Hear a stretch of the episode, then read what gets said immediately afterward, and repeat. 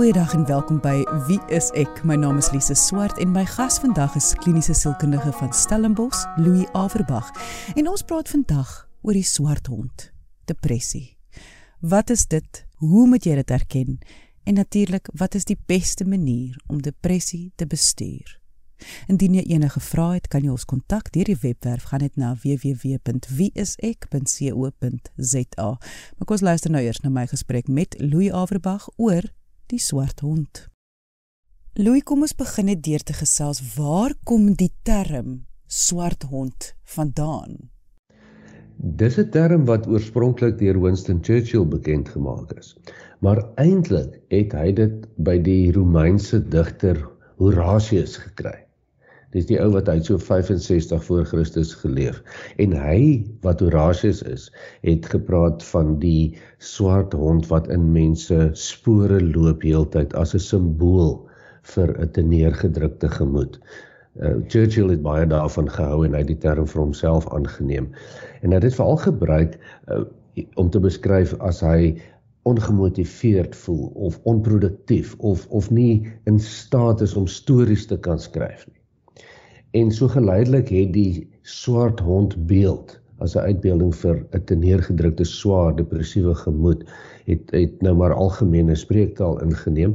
En jy weet, uh, mens sien dit ook oral. In 2011 het die swart hond kampanje die Black Dog kampanje in uh, die uh, Verenigde Koninkryk begin wat baie groot geword het. En in Suid-Afrika is daar ook 'n swart hond projek. Jy weet waar daarna Snyman by betrokke is. So dit is 'n algemene term. En tog, ek dink dit sou nie 'n algemene term geword het as dit nie 'n baie goeie beskrywing is van 'n lae gemoed of 'n depressiewe ervaring nie. Natuurlik. En daar's bitter bitter min mense wat nie ten minste die ervaring gehad het of erken nie. Bitter min mense.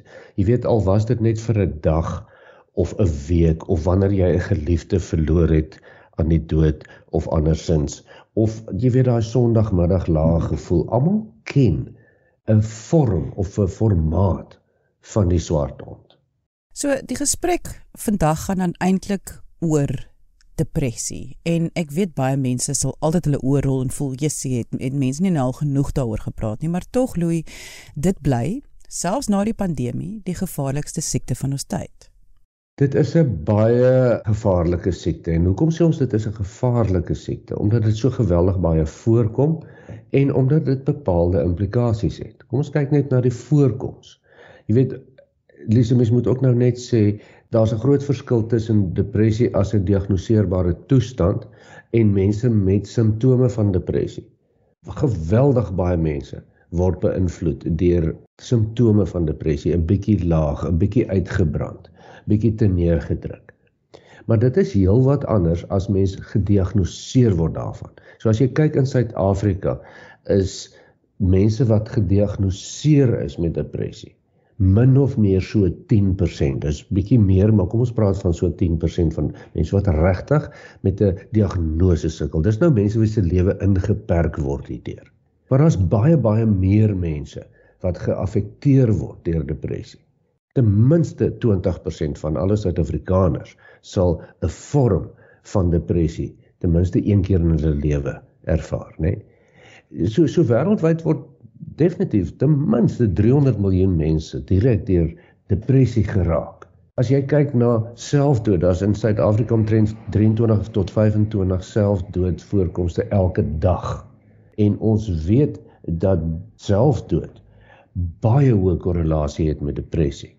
So ja, om 'n lang storie kort te maak, dit is beslis uh, nie iets waarom mens kan kom of wat jy kan ignoreer nie. Dit is maar in mense gesig en dit het groot impak op baie vlakke. Finansiële impak. Dit kos geweldig baie aan aan mediese kostes net om depressie diagnoses in ag te neem en te bestuur.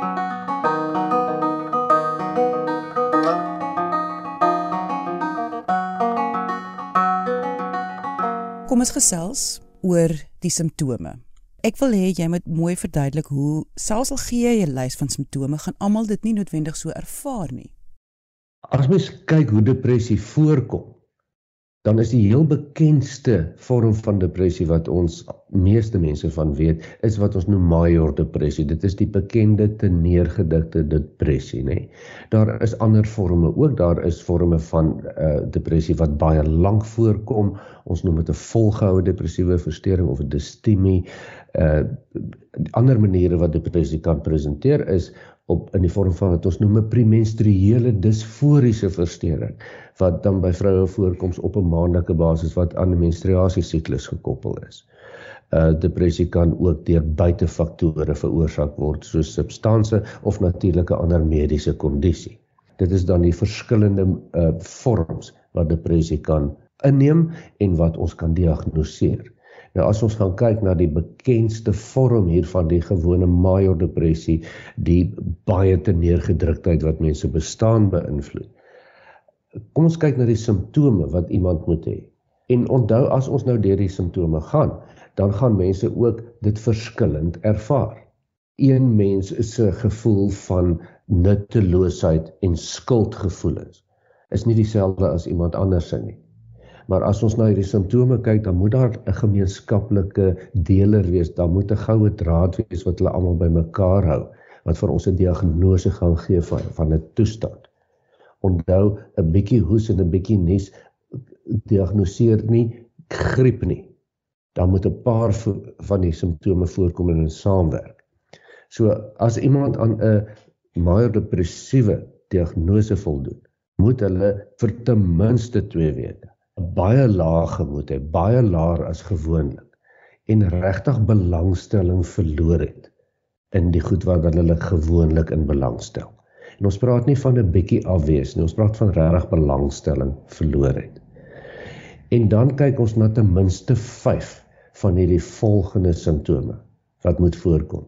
'n Verandering in aptyt is een en daarmee saam waar mense dan gewig afneem of gewig toename ervaar slaapveranderinge. Glad nie geslaap kry nie of te veel slaap. Ook natuurlik daai gevoel van uitputting, lae energie, verskriklik moeg, kan enige oomblik slaap. Gevoelens van skuldgevoelens, hopeloosheid. Niks maak saak nie. 'n Beduidende sukkel om te fokus en om te konsentreer, soveel so dat jy eintlik half sukkel om deur jou daaglikse take te kom goed wat jy voorheen kon onthou, kan jy skielik nie meer onthou nie. Bewegings wat regtig begin stadig raak of verskriklik opgewerk raak. Is natuurlik baie makliker raak sien en dan baie keer ook die gevoelens en die gedagtes oor dood en hoe sal dit wees om dalk dood te wees, miskien gedagtes oor selfdood. Hierdie simptome moet vir ons saamspan en regtig beduidend wees. Want mens kan nou maklik hierna luister en sê maar goed, maar wag, ek sukkel ook om te slaap deesdae. En en nou dat ek daaraan dink, jong, ek uh, is maar redelik moeg en uitgeput. Nee, ons wil hê jy moet ten minste 5 van hierdie baie intense ervaar vir ten minste 2 weke.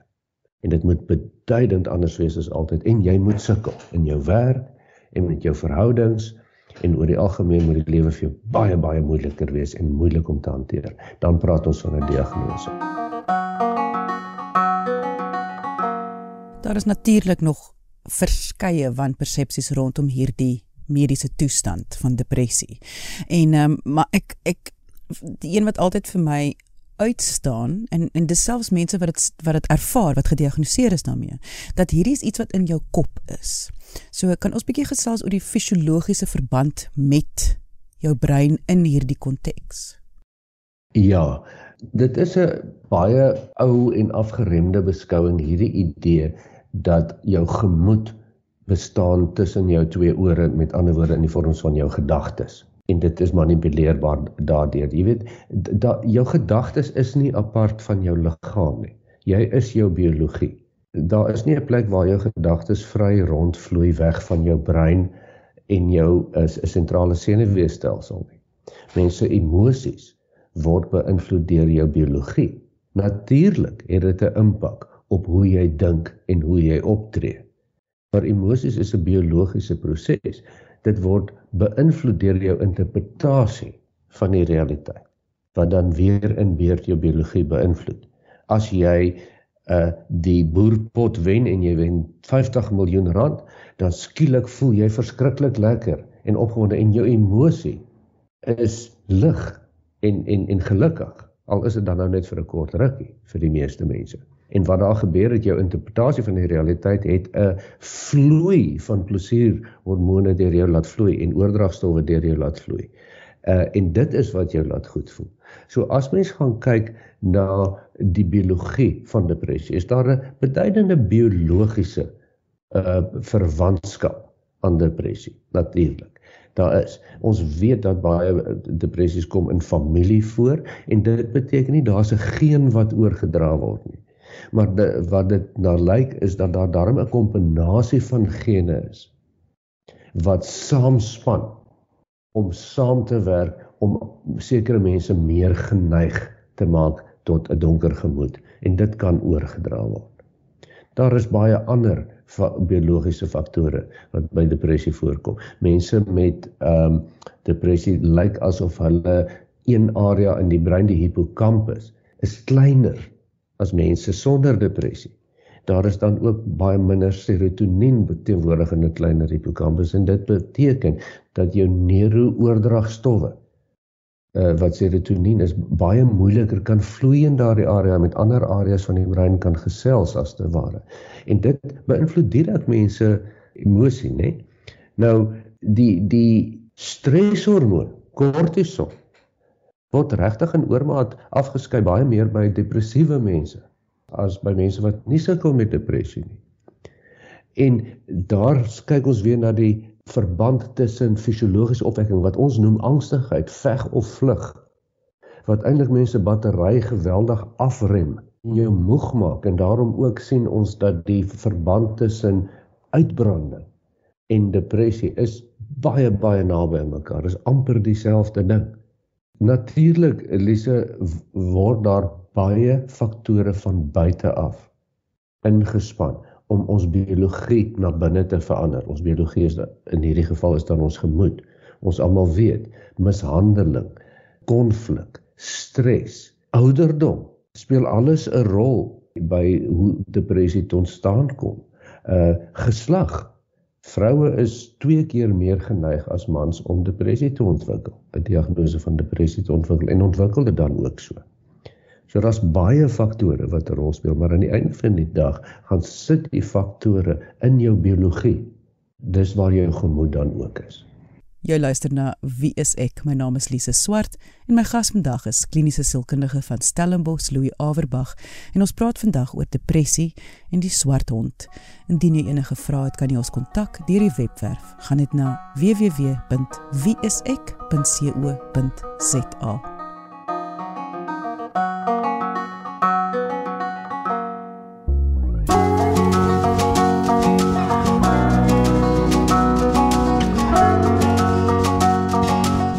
Welkom terug by Wie is ek? My naam is Lise Swart en my gas vandag is kliniese sielkundige van Stellenbosch, Louis Averbag. En ons praat vandag oor die swart hond. Die ander woorde depressie. Hoe lyk depressie? Hoekom is daar die term die swart hond? Hoe kan jy depressie bestuur, erken, herken? Natuurlik, almal praat oor depressie nog steeds, maar dit bly die siekte van ons tyd. Indien jy nou eens ingeskakel het en graag die volledige episode wil luister, kan jy die potgooi gaan luister op RSG se webwerf. Gaan net na rsg.co.za. Maar kom ons luister nou verder na my gesprek met kliniese sielkundige van Stellenbosch, Louis Averbag oor depressie. Louis, ons almal ken nou al hierdie rympie wat ek nou gaan sê en dit is dat mense glo nog dat jy kan jouself tussen aanhalingstekens regruk wanneer jy depressie ervaar. Wat ek wel baie moeilik vind met hierdie sin is dat persone wat wel depressie ervaar, nie net glo dit ook nie, maar omdat hulle skuldig voel of skaam voel, probeer hulle om hulle self net eenvoudig reg te ruk van depressie af asof hulle hulle probeer uit 'n desperate poging om dit te beheer vir daardie individue wat nou wel depressie ervaar. Miskien kan ons bietjie gesels oor hoekom dit nie moontlik gaan wees nie en dalk dinge kan vererger. Ja, jy's heeltemal reg. Dit is 'n baie hartseer toedrag van svake. En hierdie het baie te doen met met 'n kontinuum en met 'n glyskaal. Alle toestande kom tog voor op 'n glyskaal van ernstigheid. Dink aan enige mediese kondisie van 'n ligte verkoue tot 'n griep tot 'n bronkietis. Lê almal op dieselfde glyskaal van min of meer dieselfde tipe siekte. Dieselfde met mense gemoed.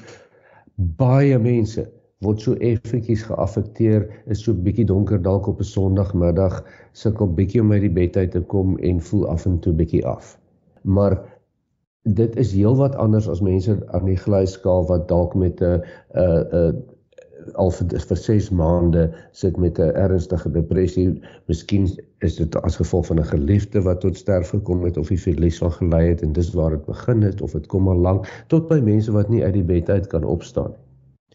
Nou as jy aan die ligte kant van die glyskaal is, dan kan jy jouself oorheers. Jy kan dat jou denke, jou emosies oorheers want jy kan dit regkry partykeer. Die be die bekende mind over matter metode. Jy sê af vir jouself, ag nee man, nonsens, los hierdie uh, los hierdie negatiewe gedagtes, uh spring op, gaan oefen en gaan kuier sommer lekker by jou vriend en jy kan dit regkry. As jou simptome of dit wat jy ervaar op die ligte kant van die glyskaal is. Maar as jy regtig met 'n diagnose sit, as jy regtig met 'n 'n volwaardige stel van simptome sit, dan kan jy dit nie wegdink nie. Maak nie saak wat jy doen nie. En hoe meer jy probeer en dit nie regkry nie, hoe meer ellendig en pateties voel jy oor jouself. En dit bevestig dan vir jou weer eens dat sien dinge werk nie vir jou uit nie. Jy kan dit nie eers regkry nie. Want uh ander mense sê jy's veronderstel om dit te kan regkry en dit is nie hoe dit werk nie ons het baie te sê en en, en is 'n groot ondersteuning van positiewe denke. En om nie vir elke dingetjie neer te suig op die bed in ellende nie en te probeer en veerkragtigheid aan die dag te lê en te ontwikkel. En dit alles help. Maar dit is wat 'n diagnose per de, per definisie 'n diagnose maak. Jy kan dit nie wegdink of wegoefen of wegeet nie. Anders as net 'n gewone toestand Ek wil weer terugkom na die analogie van die swart hond en ek dink dis nie net die swart en dat dit by jou is soos 'n skaduwee nie. Ek dink mens moet mens moet baie meer dink aan alle eienskappe van 'n hond wat lojaal is, wat daar is by jou vir altyd. Hy is nie dalk altyd reg langs jou nie, maar hy is eers jou hond. Hy is daar. En die verantwoordelikheid wat mens moet neem vir jou hond en die verantwoordelikheid wat mens moet neem vir die die voet van of die bestuur van die toertjies leer om te sit en te bly en en en mooi te werksaam te werk maar dat die hond genoeg steeds sy eie gedagtes sê en doen wat hy of sy wil. Ja, dis 'n baie mooi analogie en wat jy ook daarmee impliseer is dat ten spyte daarvan dat miljoene mense wens dat hulle nie hierdie hond gehad het nie dat hy nie teenwoordig was nie is die oplossing nie om te wens dat die hond weggaan of te maak asof hy nie daar is nie. Mens moet maar saam met hom leef en hom soos jy sê vir hom toertjies leer en ook toertjies aanleer om gemakliker saam te leef. Uh die die lewe het nie net 'n ligte kant nie, hy het 'n daardie kant ook. En as ons daarmee kan saamleef in steede van om te maak asof ons dit moet wegdink en maak asof dit nie daar is nie. Jy weet dan dan kan ons baie gemakliker leef.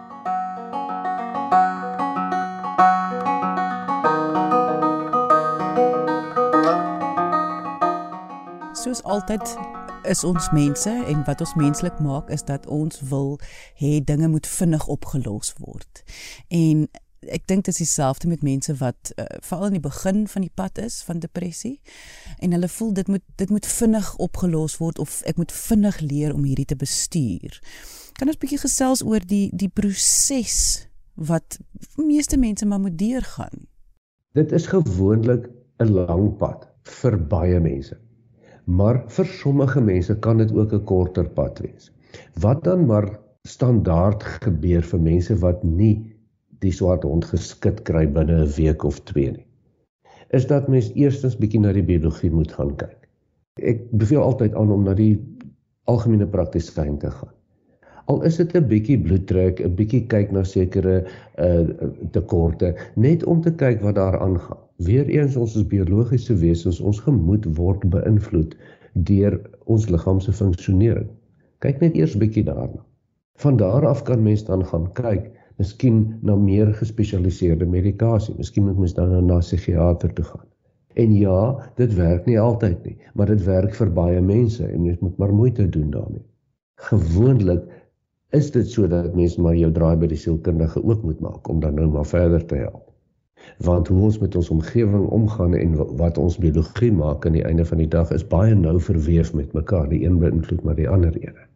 Dan probeer ons so gou as moontlik op 'n punt kom waar jy gemakliker met jou gemoed kan kan leef.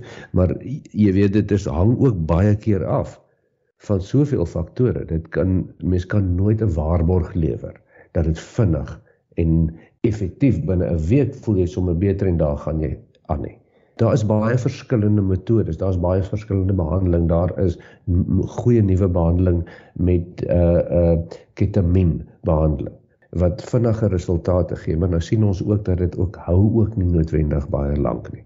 En daarmee saam kom ons weer terug na jou stelling toe oor die swart hond dat baie dinge in die lewe kan nie altyd net vinnig opgelos word nie.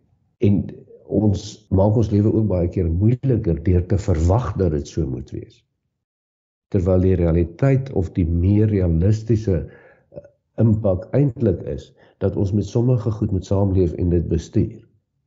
Dat in steede van 'n 9 uit 10 moet ons baie keer maar saamleef met 'n 7 uit 10. Maar dit is nog steeds beter as 'n 4 uit 10 as ons niks daaraan doen nie wat mens weer terugbring by die fisiologie want dit is dit is so interessant hoe mense sal wanneer hulle uitvind hulle het hoë bloeddruk sal hulle medikasie neem en hulle sal hulle lewenswyse begin verander. As hulle uitvind hulle het cholesterol dan sal hulle medikasie neem en hulle sal hulle lewenswyse verander. As hulle hartprobleme het medikasie lewenswyse verander. Maar iets so belangrik soos jou geestesgesondheid vat mense nie sommer altyd dieselfde hoeveelheid verantwoordelikheid vir hulle veiligheid en hulle gesondheid nie. Ja, Lisen is regtig gekonnekteer aan die uitgediende persepsie dat ons gemoed altyd in ons beheer is omdat dit beheer word deur ons denke. En dit is uh, gewoon net nie waar nie. En en jy's heeltemal reg. Uh, as mense verstaan dat hulle nie noodwendig iets kan beheer nie, dan neem hulle die medikasie, selfs waar jou gedagtes uh betrokke is, soos mense wat psigoties is. Meeste mense verstaan, maar wag, jy het nie beheer daaroor nie. Neem medikasie, dan gaan dit weg. Of selfs iets soos aandag aandag tekort. Mense verstaan, maar dit eh, word biochemies beïnvloed. Neem net eenvoudig die medikasie. Omdat jy sukkel om te konsentreer, kan jy nie met jou gedagtes regdink nie. Depressie wat jou gemoed aanval, gee vir mens daardie gevoel dat jy swak is en dat jy moet dit mos kon beheer het. En dit was kliniese sielkundige van Stellenbosch, Louis Averbag. Indien jy enige vrae het oor vandag se onderwerp, kan jy ons kontak deur die webwerf. Gaan net na wieisek.co.za. Jy kan ook 'n vraag stuur deur RSG se webwerf. Gaan net na rsg.co.za. Of kom kyk na ons video gesprekke op Wie is ek se Facebookblad onder Wie is ek SA. Daar is verskeie video gesprekke wat ek het met medies professionele mense oor onderwerpe soos depressie, angs, bipolêr, trauma, ouerskap, probleme met kinders. Ons het onderwerpe vir alle ouderdomsgroepe. So gaan kyk gerus op Wie is ek se Facebookblad onder Wie is ek SA. Dankie dat jy vandag ingeskakel het. Ons maak weer so volgende Vrydag, 12:30 hier op RSG. Jy moet 'n heerlike naweek hê en onthou, kyk mooi na jouself.